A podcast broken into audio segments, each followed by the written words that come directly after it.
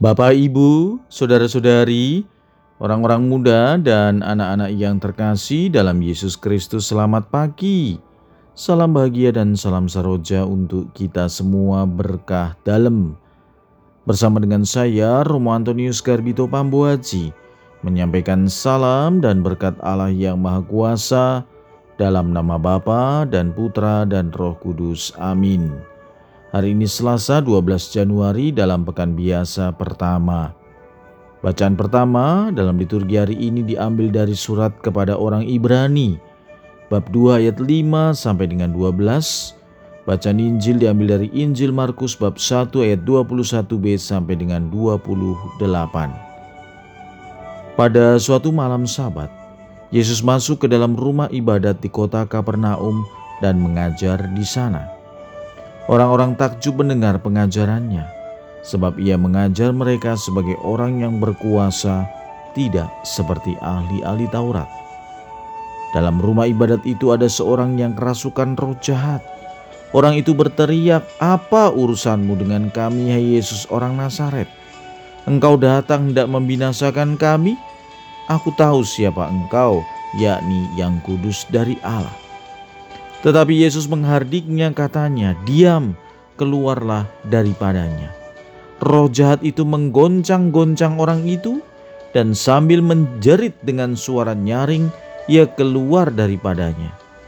Mereka semua takjub sehingga mereka memperbincangkannya katanya. Apa ini? Suatu ajaran baru? Guru ini berkata-kata dengan kuasa. Roh-roh jahat pun ia perintahkan dan mereka taat kepadanya.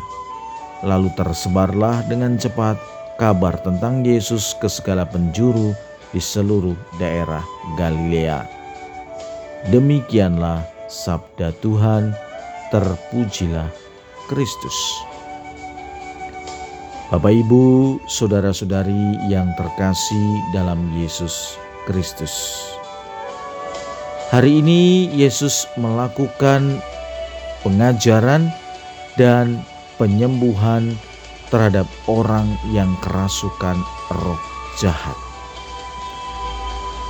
Hal ini menunjukkan kepada kita otoritas Yesus sebagai guru, juga tentang kebaruan ajaran dan kuasanya.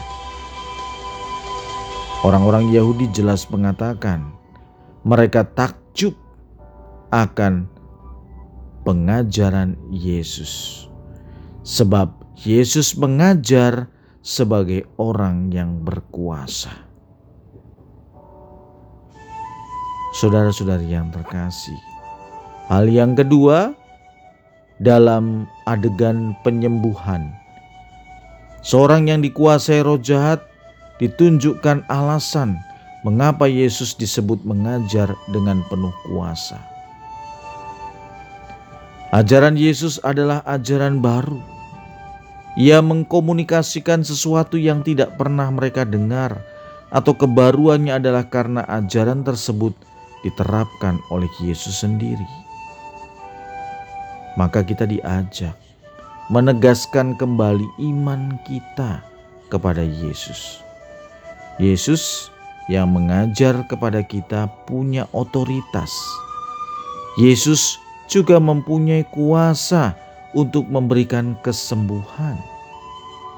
Apakah kita menyadari hal itu? Marilah kita berdoa. Tuhan Yesus, semoga kuasamu dan juga otoritasmu untuk mengajar senantiasa memberikan kami kekuatan. Berkat Allah yang Maha Kuasa, dalam nama Bapa dan Putra dan Roh Kudus. Amin.